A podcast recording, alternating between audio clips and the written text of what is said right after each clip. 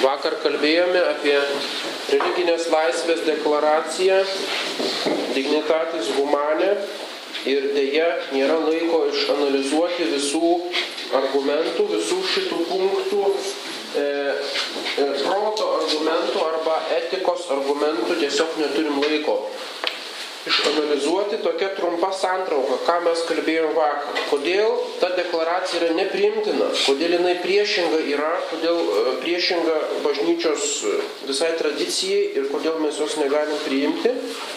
Todėl, kad jos objektas, religinės laisvės objektas yra atplėštas nuo platesnio konteksto, nuo moralinio konteksto. Visai nepagristai ir galiausiai veda prie religinės laisvės reikalavimo bažnyčios viduje, prie anarchijos bažnyčios viduje.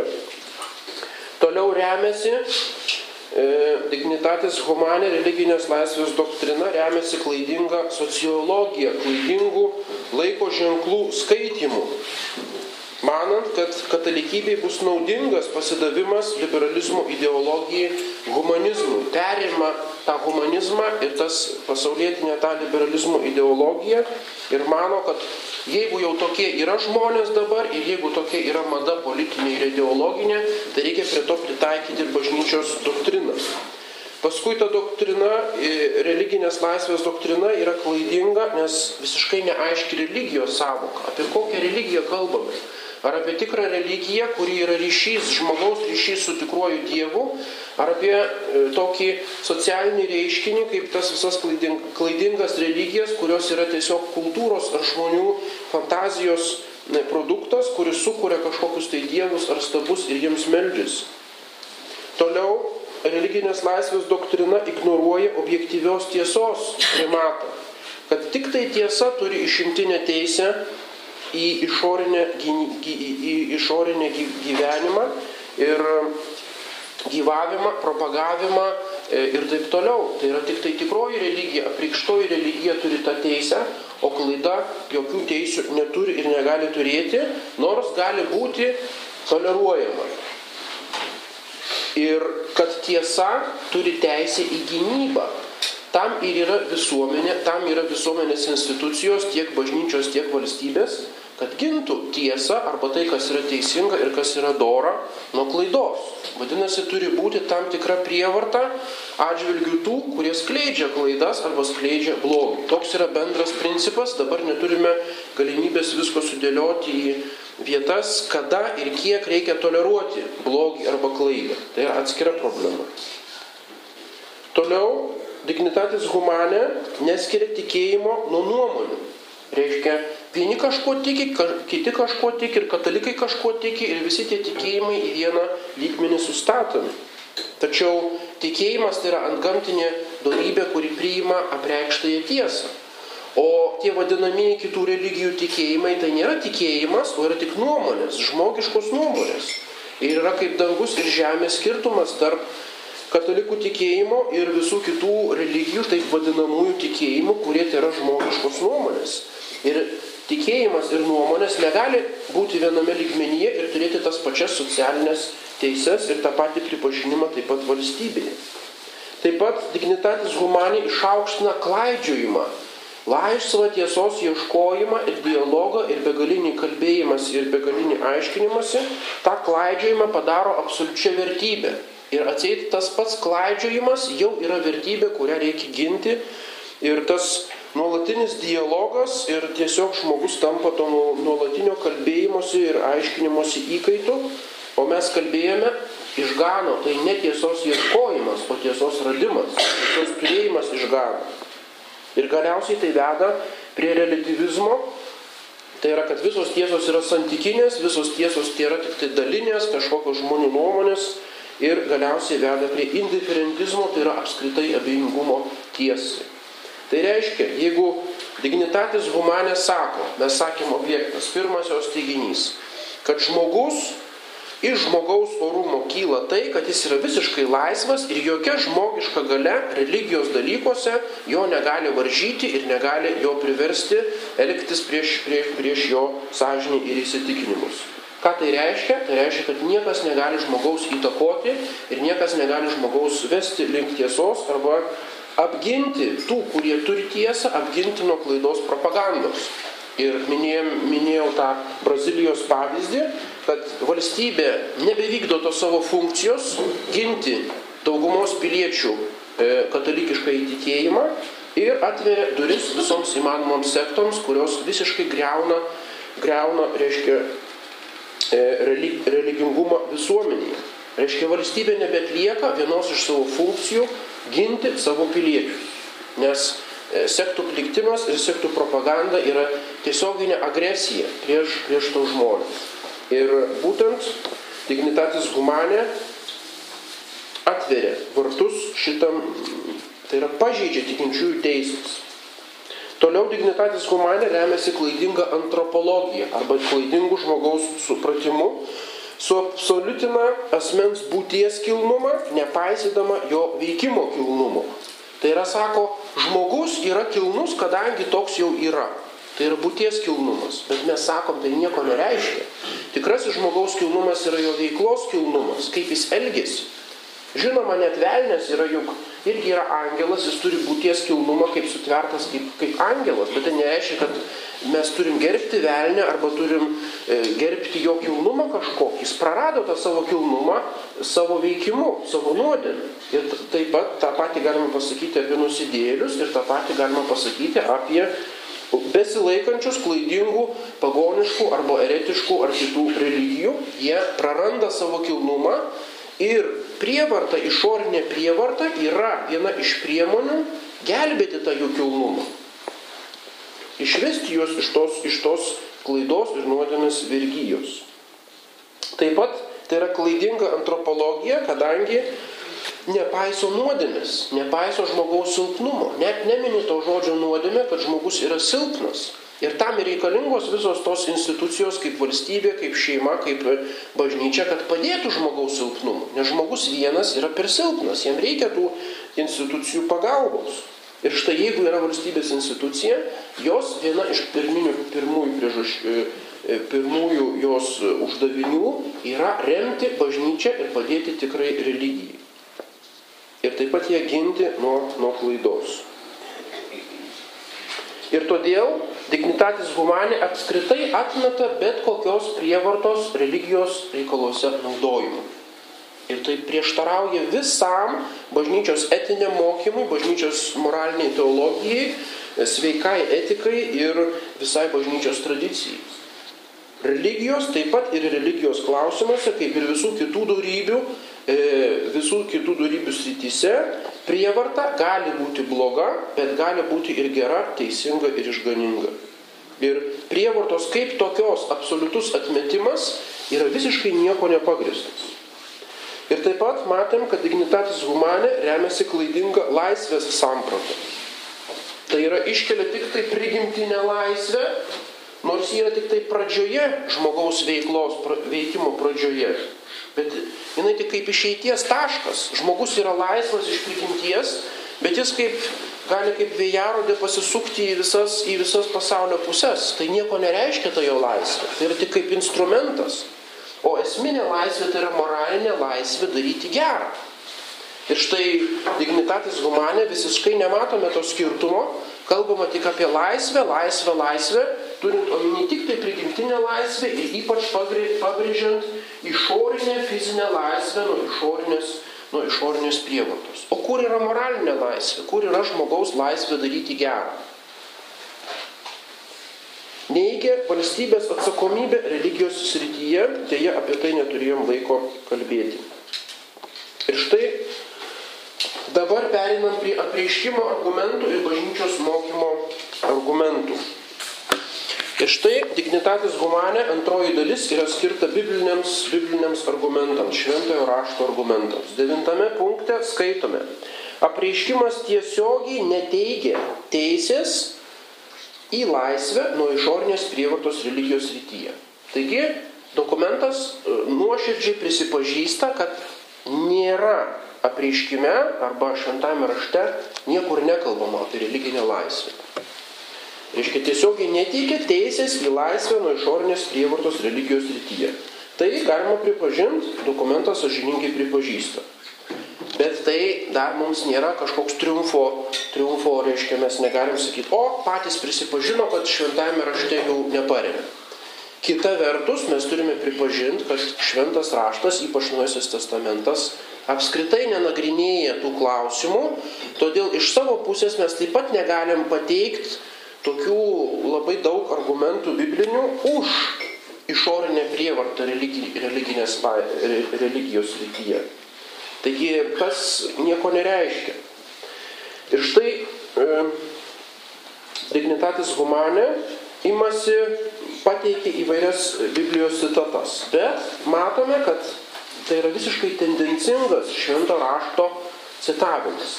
Pirmiausia, dignitatis humanė visiškai necituoja Senojo testamento. Lyg Senojo testamento visiškai nebūtų ir lyg jis neturėtų absoliučiai jokio mūsų autoriteto. Lyg būtų mums nebeaktualus. Iš karto perinam prie Naujojo testamento. O kur Senojo testamento pavyzdys? Ten taip pat Dievas veikia, ten taip pat Dievas e, tam tikrų būdų mokė. Žinoma, mes negalime visko pažodžiui perkelti, reikia tai pritaikyti prie e, Naujojo testamento sąlygų. Tačiau esminiai etiniai principai buvo, buvo išlaikyti.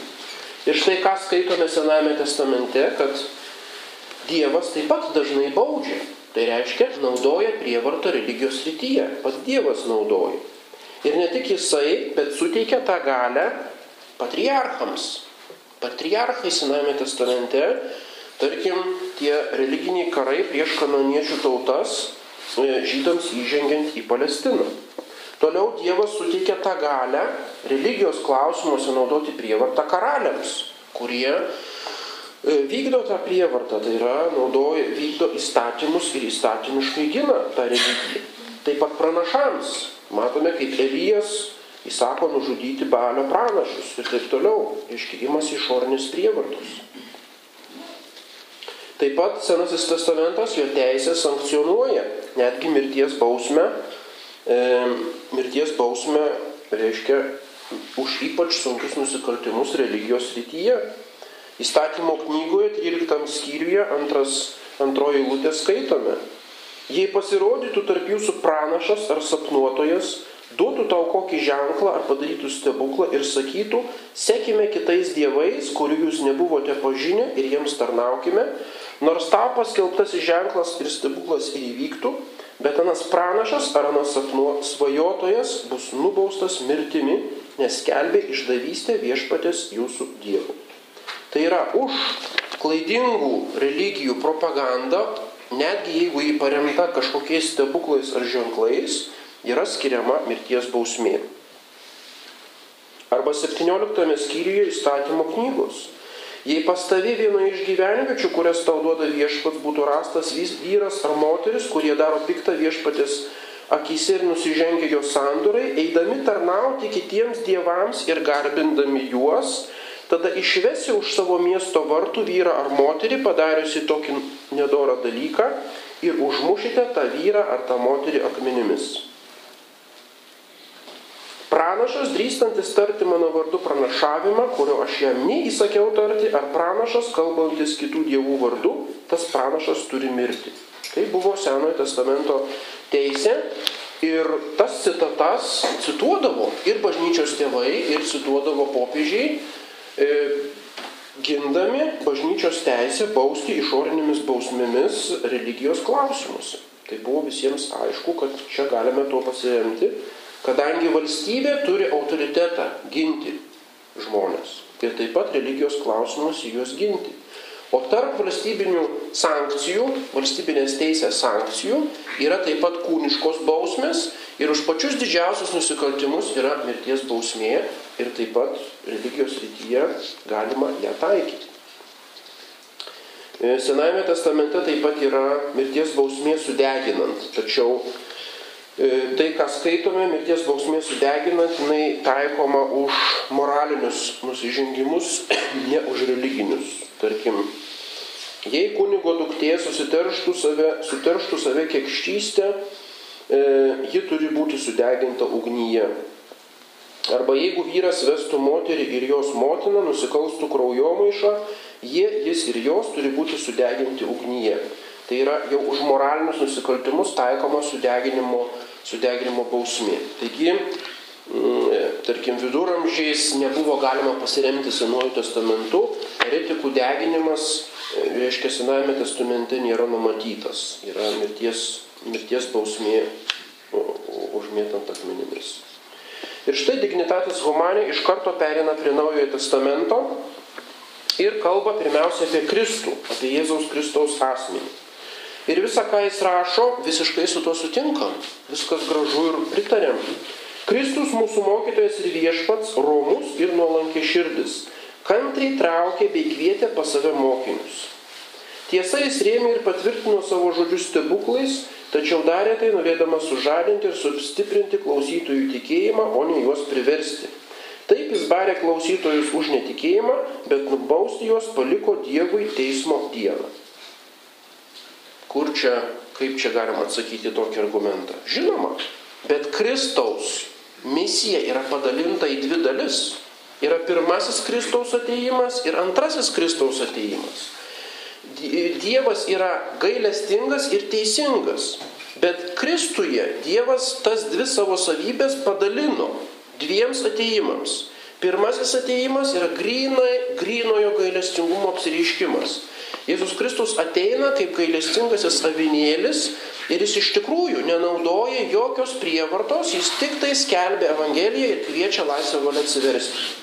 Bet antrasis Kristaus ateimas bus tik tai teisingumas, reiškia, žinoma, bus ir gailestingumo, bet pagrindė bus teisingumo apsireiškimas ir jame bus bausmė, bus griežta ir teisinga bausmė tiems, kurie nepriėmė tikrojo tikėjimo ir bus pragaro bausmė. Reiškia, Kristus naudoja prievartą, tik ją atideda antrajam savo prisi... apsireiškimui. Tai mes negalim padalinti tų, pamiršti apie antrąjį, antrąjį jo ateimą ir tik tai akcentuoti pirmąjį, akcentuoti jo gailestingumą. Žinoma, kaip čia atrodytų, jeigu Kristus atėjo, gimtų kaip, kaip vaikelis Betlėjuje ir paskui iš karto pradėtų kažkokias prievartą versti žmonių. Tai netokia yra Dievo apvaizdos keliai. Dievas pirmiausia kviečia gerumu, pirmiausia kviečia savo gailestingumu, duoda malonės, bet jau pirmojo, pirmojo savo ateimo metu Jėzus Kristus grasina, daugybę kartų grasina teismu, grasina ugnimi, kalba apie Tyrą ir Sidoną, kurie nusipelnė bausmės kaip Sodoma ir Gomora, kalba apie pragarą, pragaro ugnį ir taip toliau. O kas yra gazdinimas? Tai yra prievarta, tai yra moralinė prievarta.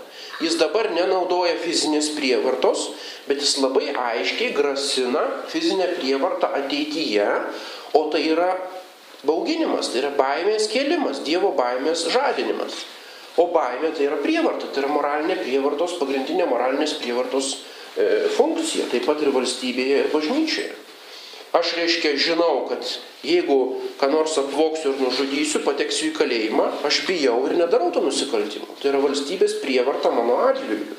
Ir tai yra visiškai natūralus, natūralus valst, natūrali valstybės funkcija. Ir Jėzus Kristus kaip karalius, kaip e, bažnyčios, reiškia, kaip e, vykdydama savo karališką funkciją, jis jau dabar, nors būdamas gailestingas, nors būdamas e, romus ir nuolankė širdis, jis jau dabar gazdina mus, gazdina nusidėlius, reiškia naudoja prievartą. Apie tai nei žodžio neskaitome.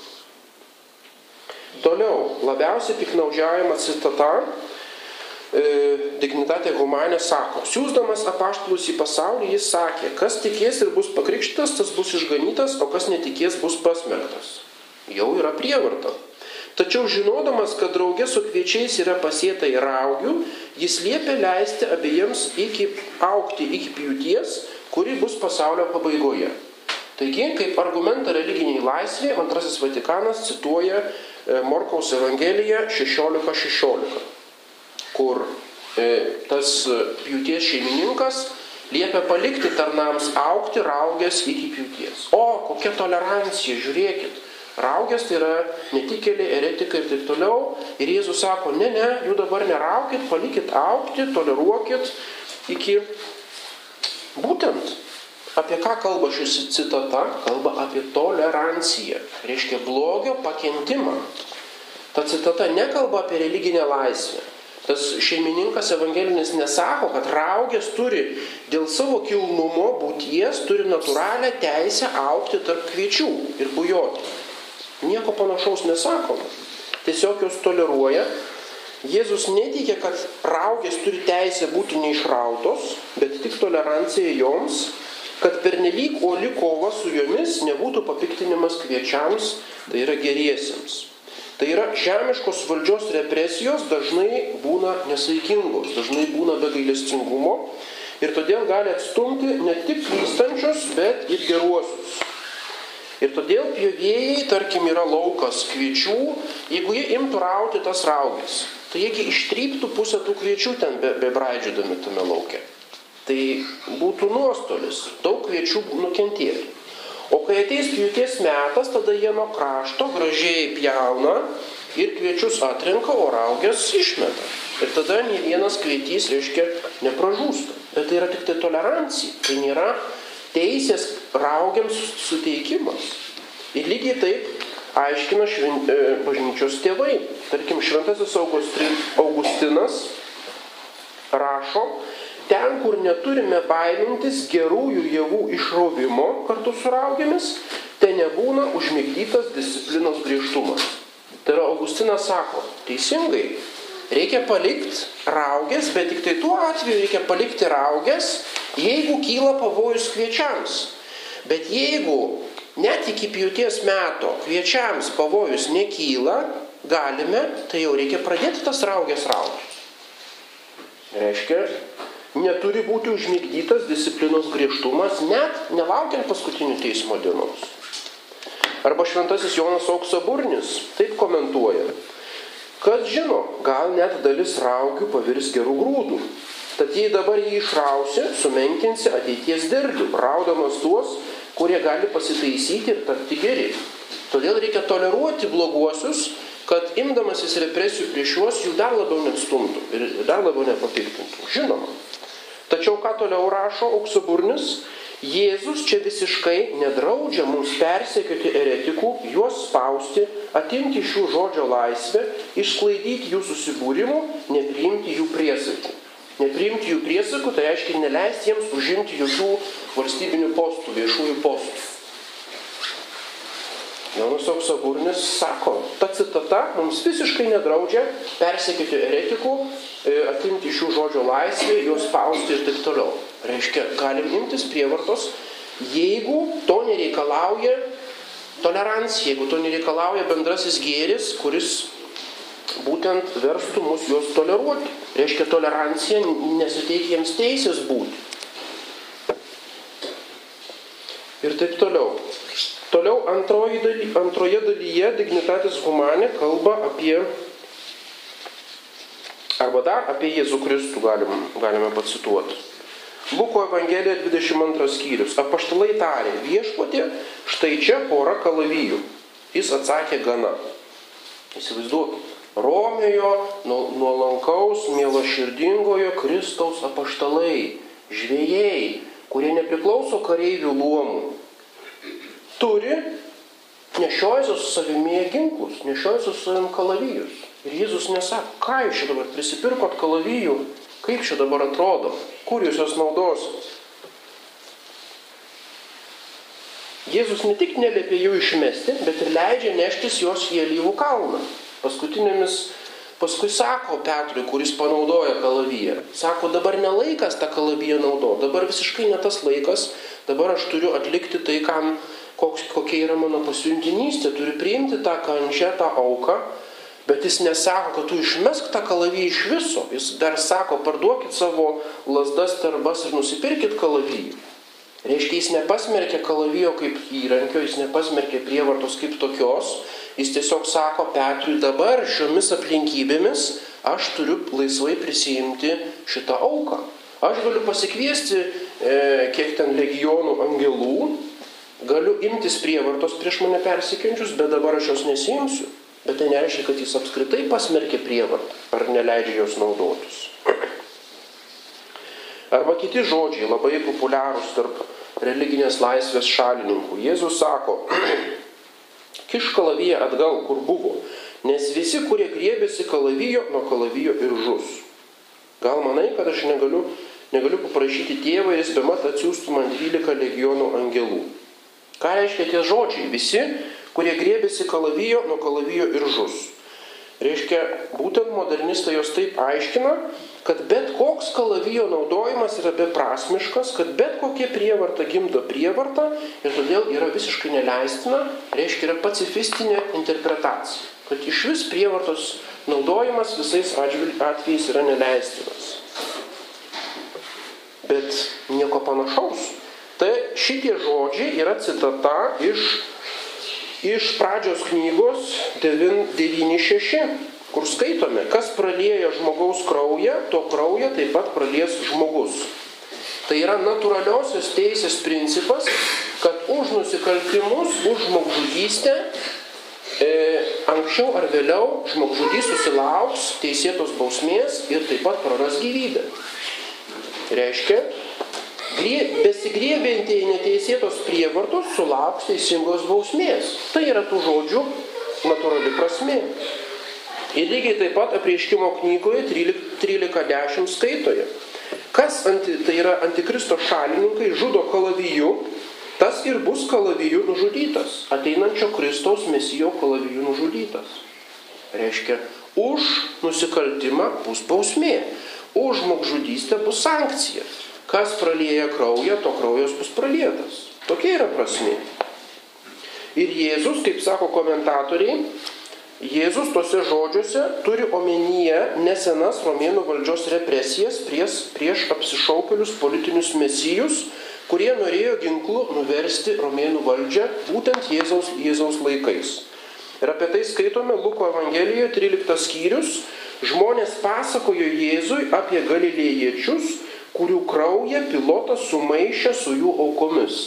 Reiškia, pilotas dar Jėzaus laikais griebėsi represijų prieš tuos partizanus ir sukilėlius žydus, kurie patys, aukas patys, reiškia, žudė kažką tai ir pilotas juos pačius nužudė. Reiškia, jis tai turi omenyje, aliuziją į tai, sakydamas, visi, kurie griebėsi kalavijo, nuo kalavijo ir žus.